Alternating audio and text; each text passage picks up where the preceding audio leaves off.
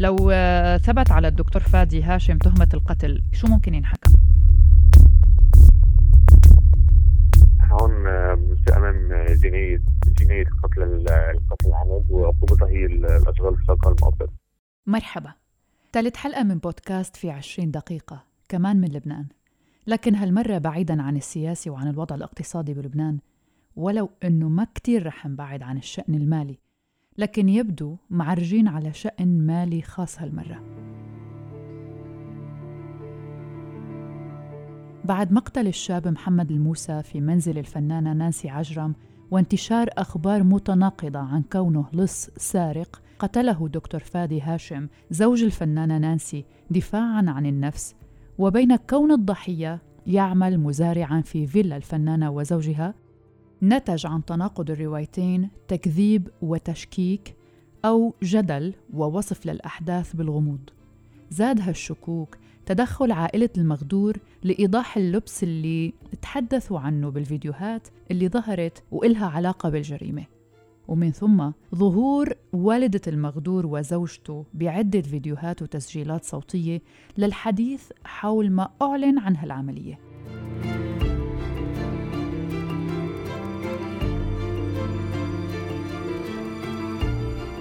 تصدر هالخبر قائمة الاهتمام عند الناس عبر الإعلام والسوشيال ميديا وخرج مجموعة من المحامين والقانونيين العرب وأعلنوا عن تشكيل فريق حقوقي للتطوع والدفاع عن ملف قضية الشاب الضحية.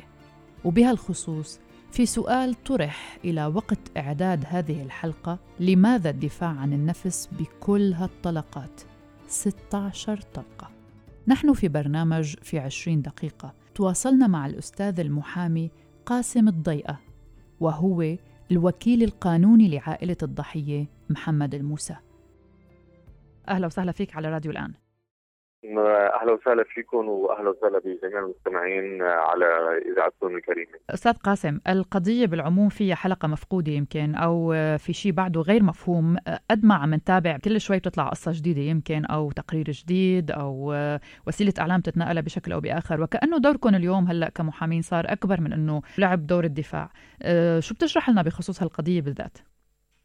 بالنسبة لقضية مقتل الشاب محمد موسى في فيلا الفنانة نانسي عجرم أثارت كثير من الغموض والالتباسات.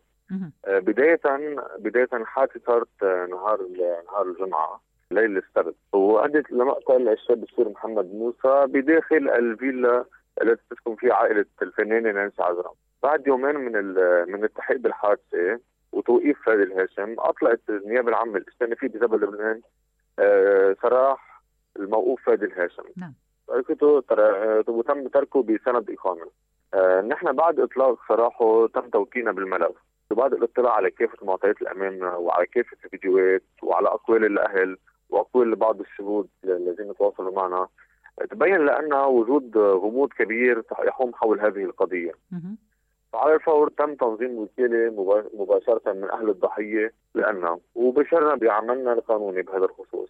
بداية تقدمنا بطلب للتوسع بالتحقيق أمام جانب النيابه العامه الاستئنافي بجبل لبنان. أه طلبنا فيه عدة طلبات. وبناء على الطلب أه صدر عن قرار عن القضاء اللبناني بإعادة التحقيق مجددا والاستماع مجددا لإفادة فادي الهاشم والكشف على الفنانة نانسي عجرم عن طريق آه، طبيب شرعي للتأكد من صحة إصابتها بعد ما قبلت الفنانة نانسي عجرم أنه هي مصابة آه، بسبب شظايا الرصاص. وعلى الرغم من إدلاء بتصريح آخر إنه هي كانت في الحمام. فرحنا طلبنا التاكد من هذه المعطيات فقط وما اتهمنا نحن الفنانين نانسي بأي أمر. نعم. نحن فقط في طور التحقق من هذه المعطيات. وكذلك صدر قرار بتفريغ كامل الهواتف لجميع الأشخاص الموجودين آه، داخل الشقة. والاستماع لزوجة القتيل محمد موسى. بعد ما قبلت إنه هي على علم بأنه محمد موسى كان يعمل لدى الفنانه نانسي عيرة داخل المنزل وكان موعود بوظيفه بشكل دائم داخل آه، الفيلا براتب شهري قدره 800 دولار.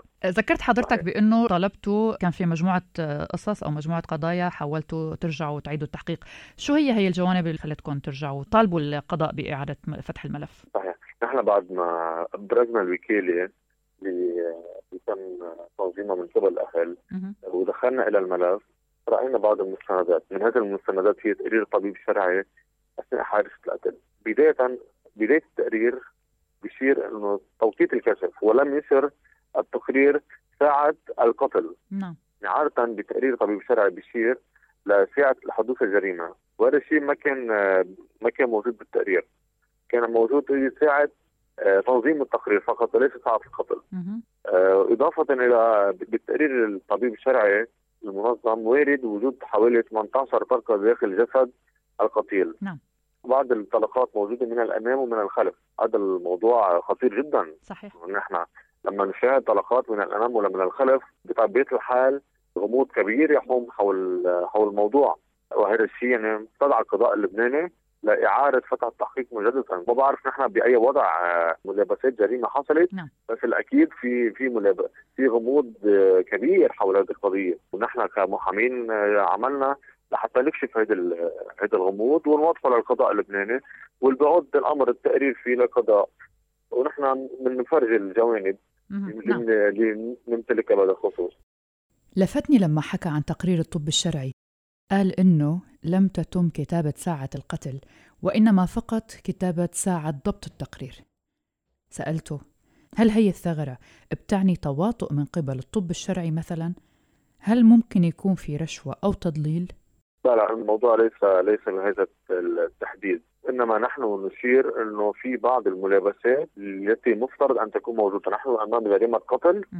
ومن المفترض أن يكون التقرير الطبيب الشرعي آه، يورد فيه آه، كل التفاصيل. آه، ساعة ساعة القتل وكيفية القتل والرصاص كيف أتى من الأمام أو من الخلف نعم. وكافة الأمور. يوجد نقص في تقرير الطبيب الشرعي ممكن القول. طيب وجود آه وجود طلقات رصاص وعلى هذا الأساس نحن طلبنا نحن تقدمنا بطلب إضافي لنكتشف مجددا على جثة القتيل للتبين من كيفية حدوث القتل. طيب وجود رصاص كما ذكرت آه، من الأمام ومن الخلف هل هذا يعني بأنه اللي انحكى بالبداية هو عبارة عن تمثيلية مثل ما سمعنا بكثير مطارح؟ هذا الموضوع بتقرر الأجهزة الأمنية. نعم. الملف حاليا آه، يقوم بالتحقيق فيه كبار الضباط ورجال الأمن في الدولة اللبنانية ولهم آه، كامل الثقه من قبلنا بالتحقيق. وعم بيتم التحقيق بشكل شفاف ونزيه بهذا الخصوص. يعني ونحن عندنا كامل كامل الثقه فيهم لحتى تكشف الحقيقة كاملة أكيد لكن يعني من خلال متابعتي للقضية ومن خلال كمان طرح بعض الأسئلة على زملاء وعلى أصدقاء آه، اللي كان ملفت للانتباه بهي القضية واللي كان يعني بمطرح بخلي في شكوك دائما وأسئلة كثيره غير آه، ما عندها أجوبة مبهمة معقول ليخبوا هالجريمة مثلا تظهر بشكل ثاني للعلن؟ معقول في أشخاص استخدموه بهي التمثيلية؟ كثير ناس عم بتقول إنه معناتها في تمثيلية بالقصة وحتى عم بيقولوا بإنه في شخص آخر أدى دور هذا الشاب. هلا إنه في فيديوهين غير متشابهين للضحية. أهل المقدور عم بيشيروا انه إنه في هذا الموضوع. نحن محامين. نعم. نحن نتعاطى بالقانون نتعاطى بالقانون الأجهزة الأمنية هي هي الموكلة بالتحقيق الجنائي بهذه القضية. هذا أنا اللي بدي أشيره. يعني أنا ما فيني أكد إنه هذا الفيديو مفبرك أو مستهزأ أو أنا بحكم على الواقع اللي امامي أنا في فيديو أمامي منشور على إنه داخل داخل منزل الفنانه نانسي عجرام وفي جريمة قتل حدثت وفي فيديو بيصور جريمة القتل نعم. آه، أنا على هذا الأساس أنا بتصرف هلا إذا إذا الأجهزة الأمنية آه، أظهرت الفيديوهات بالنسبة لها إنه هي فيديوهات مركبة ومستهزئه أو غير صحيحة. أنا ببني على على هذا الشيء مقتضى وبتصرف. بس أنا حاليا لا أؤكد ولا أنفي. بفهمك. ولا ولا أجزم. رح أرجع أسألك أسئلة بخصوص رح أرجع أسألك أسئلة بخصوص القضية بخصوص دورك بالقضية. لو آه، ثبت على الدكتور فادي هاشم تهمة القتل شو ممكن ينحكم؟ هون بنصير أمام جناية جنايه قتل القتل العمد وعقوبتها هي الأشغال في الشقه المؤقت. نعم. كمان بدي أسأل أسئلة بتخص الفنانة ناسي عجرم. على ما يبدو أيضا دخل اسمها بسجل هالقضيه كونها طلعت لقاء صحفي قصير مع مجموعة من الصحفيين وحكت عن ملابسات اللي صار لكنها أنكرت بشدة إنه المغدور كان بيشتغل عندهم. هل في حال ثبت العكس أيضا عن كلامها ممكن تتجرم بتهمة ما؟ أه، صحيح صحيح. نشر معلومات أه، غير صحيحة على القضاء اللبناني. إذا الدولة اللبنانية ادعت عليها بجريمة نشر معلومات غير صحيحة نعم نحن هذا الشيء اللي بوضحه طلبنا تقرير طلبنا طبيب شرعي للكشف على الفنانين من عذرم إذا فعلا هي مصابة أم لا، مع العلم إنه نحن من من كان للفنان من عذرم كل التقدير والاحترام بهذا الخصوص إن نحن ما بنعرف عن الفنانه إلا كل كل خير وكل تقدير من من قبلنا. أكيد نحن قضيتنا هي مع مع زوجها آه، المدعى عليه سيد الهاشم بهذه القضية. بفهمك أكيد لكن نحن أيضا بدورنا كإعلاميين عم نحاول نوضح الصورة من كل جوانب نحن كمان بنكن لك كل المحبه أكيد. صحيح صحيح نعم. صحيح. هذا هذا عملكم ونحن من بنجل وبنحترم العمل الصحفي اللي بتقوموا فيه. بدي أسأل عن موضوع المحامين اللي تبرعوا أيضا للدفاع عن المغدور محمد الموسى من مختلف الدول العربية. سمعت في محامين من المغرب من سوريا من لبنان من مصر. هل حضرتك متواصل معهم؟ هل بتعرف شيء بخصوص أيضا تواصلهم بما يخص هذه القضية؟ صحيح. صحيح نحن بنقدر كل مسار قانوني أو كل أو كل شخص قانوني أو كل محامي آه، بيقدم المساعدة بهذا الملف. نحن رسميا نحن الوكلاء القانونيين نعم. آه، بهذا الملف. آه، معنا الأستاذ أشرف الموسوي هو وكيل قانوني أيضا. نعم. أما سائر الأشخاص القانونيين الذين يدون تصريحات صحفية لا لا علم لدينا بهم. نحن الوكلاء القانونيين بموجب القانون ونحن لدينا كامل الثقة آه، بهذا الملف حصرا واي شخص أي شخص يقدم المساعدة القانونية نحن بنرحب فيه نعم. أكيد بالتواصل معنا واي شخص آخر ما ما بيتم التواصل فيه معنا آه، بيكون عم بيتحدث باسمه الشخصي وليس باسمنا هل صار أي تواصل مع حضرتكم بهذا الموضوع من قبلهم؟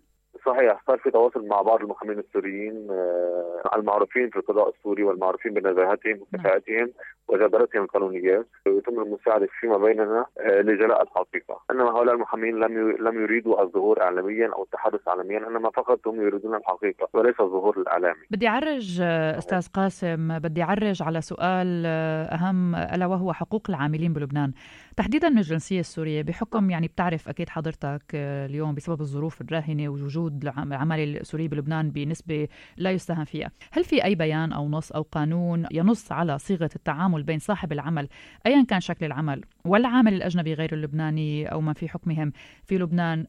وخلينا هون نكون أقرب عم نحكي عن العامل السوري. هل يشمل هذا القانون السوريين اللاجئين مثلا أو حتى العمال السوريين اللي يعملون في لبنان؟ هل في قوانين واضحة وصريحة بما يخص آه، حقوقهم وواجباتهم؟ هلا بطبيعة الحال أي علاقة عمل بين رب عمل واجير بتتم عن طريق قانون قانون العمل اللبناني. نعم. هي اللي هي اللي بتنظم العلاقة بين صاحب العمل والاجير دائما الاجير بغض النظر عن جنسيته يخضع لقانون العمل. نعم. بغض النظر عن جنسيته يخضع لقانون العمل. بسبب الحرب السورية الدائره ونزوح الآلاف أو مئات الآلاف من المواطنين السوريين إلى الأراضي اللبنانية تم تنظيم الدخول والخروج للعمال السوريين داخل الأراضي اللبنانية عن طريق الأمن العام اللبناني. نعم. حيث تم الطلب من العمال السوريين الذين يرغبون في العمل داخل الأرض اللبنانية من الحصول على الاقامات إقامات العمل. وهذه الإقامة تشترط آه، تنظيم وكاله وكالة عمل. من قبل صاحب العمل للاجير عند كاتب العدل آه، وبعض الأوراق والمستندات الأخرى وبعض الرسوم الإضافية. هلا نحن نحن كقانونيين بنشير انه هذه الإجراءات هي بتعود للدوله اللبنانية ولتدبير الدولة اللبنانية. أكيد. بس نحن ما سمعنا ما سمعنا وما صار في تطرق ل أي انتهاك لحقوق العامل السوري. بمعنى الانتهاكات الكبرى. ما عم نحكي عن انتهاك. ممكن يكون في تجاوزات في في نقطة أو أخرى. لكن نحن لم لم نلحظ سوء سوء معاملة بشكل مفرط أو بشكل جماعي واي تصرف تعسفي بهذا المجال نحن مستعدين لمقاضاه الشخص الذي يتصرف بشكل تعسفي مع مع العامل السوري أو أي عامل آخر من, من أي جنسية نعم. يعني. هل محمد الموسى كان يملك هذه الأوراق آه، بعد اطلاعك على ملفه؟ أوراق قانونية لإقامته بلبنان؟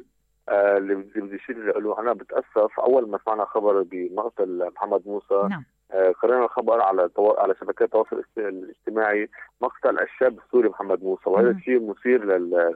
لل... للأسف ولل يعني كيف ما, ما في ما في شيء بيعبر عن مدة أسفنا آه لهذا لهذا التعبير الغير الواقع. يعني ما فينا نقول نحن الشاب السوري ولا أو أو الشاب الفلسطيني أو الشاب الأردني نحن نحن عرب ولا ولا نتحدث بلغة البلد. نعم. سوري ولبناني و هذا الشيء هذا شيء معيب. هذا شيء معيب. نحن صرنا بال 2020 وبعدنا عم نتحدث بهذه اللغة. أعيد سؤالي. هل محمد موسى كان لديه الأوراق؟ بالنسبة للأوراق الثبوتيه نعم. بالنسبة للأوراق الثبوتية هذه الأوراق هي بحوزة الأجهزة الأمنية اللبنانية. ما عندي معطيات أمنية بحوزة الأجهزة الأمنية اللبنانية وفي هون تحقيق سري عم بيكون مثل ما اشرنا في تحقيق سري على بعض النقاط. من أبرزها إذا كان عنده أوراق ولا لا وفي الفيديوهات اللي عم نشير لهم نعم. في تحقيق سري عم بيصير بهذا الخصوص. يعني في بعض الأمور نحن حتى لو عندنا معطيات ما فينا نكشفها أمام الرأي العام لسرية التحقيق، نحن هدفنا نوصل للحقيقة الكاملة بغض النظر عن حقيقة إذا كانت لصالحنا أو أو أو لصالح فادي الهاشم، لكن نحن مؤمنين جدا إنه في ملابسات وفي غموض كبير ونحن بنتأمل نوصل للحقيقة، إذا كان هذا فادي الهاشم بريء نحن أكيد مش هدفنا ندينه إذا كان بريء، إذا أثبت إنه بريء. أكيد وإذا كان إذا لم يكن بريء فأكيد القانون سوف يعاقب فادي الهاشم، فنحن نتمنى أنه هذا المحادثة اللي صارت توضح للراي العام بعض الملابسات اللي عم تصير، ومع التأكيد في في بعض المعلومات التي لا يمكن الإدلاء بها لسرية التحقيق. شكرا جزيلا لك الأستاذ المحامي قاسم الضيقة الوكيل القانوني لعائلة المغدور محمد الموسى في قضية الجريمة التي وقعت في فيلا الفنانة اللبنانية ناسي عجم، شكرا جزيلا لك.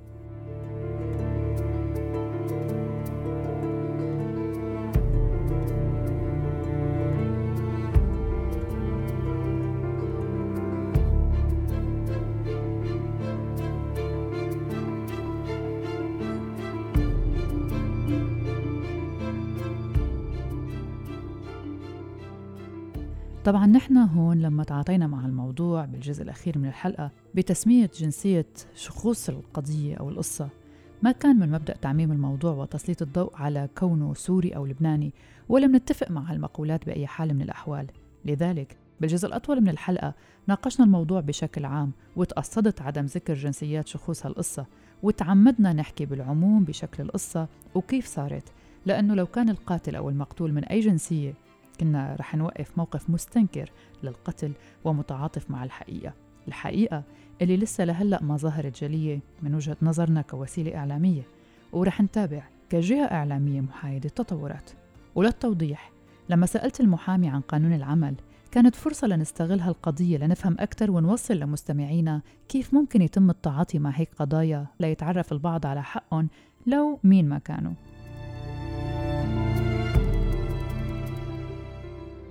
بعترف بأنه هالحلقة كانت صعبة. أنا وعم عدها الحقيقة ضعت. ضعت من كتر الأخبار وما فيكم تاخدوا من كل الأخبار. المشكلة بأنه كمان توثق بالمنصة أو بالوسيلة اللي عم تنقل عنا أو بالأشخاص اللي أنت عم تحاول توصلهم. فبنتمنى نكون تبينا القليل من الوضوح والحياد بنفس الوقت. على أمل أنه تنتهي هالقصة على خير. وفعلا ياخذ الحق مجرى بأي شكل من الأشكال.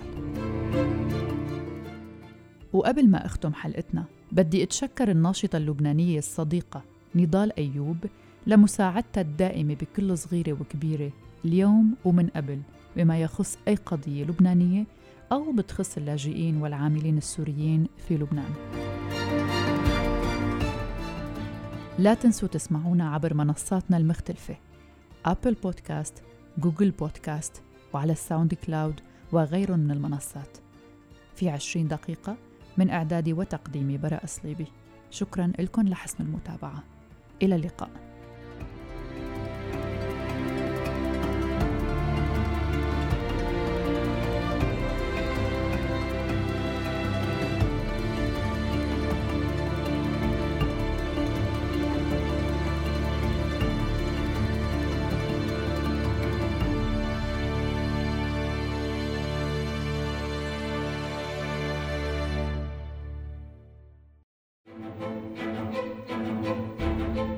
عن الخبر وما يجري حوله. يتقاطع معه ويدور في خفاياه. ما هي آراء صناع الأخبار وكيف تؤثر في حياتهم في عشرين دقيقة؟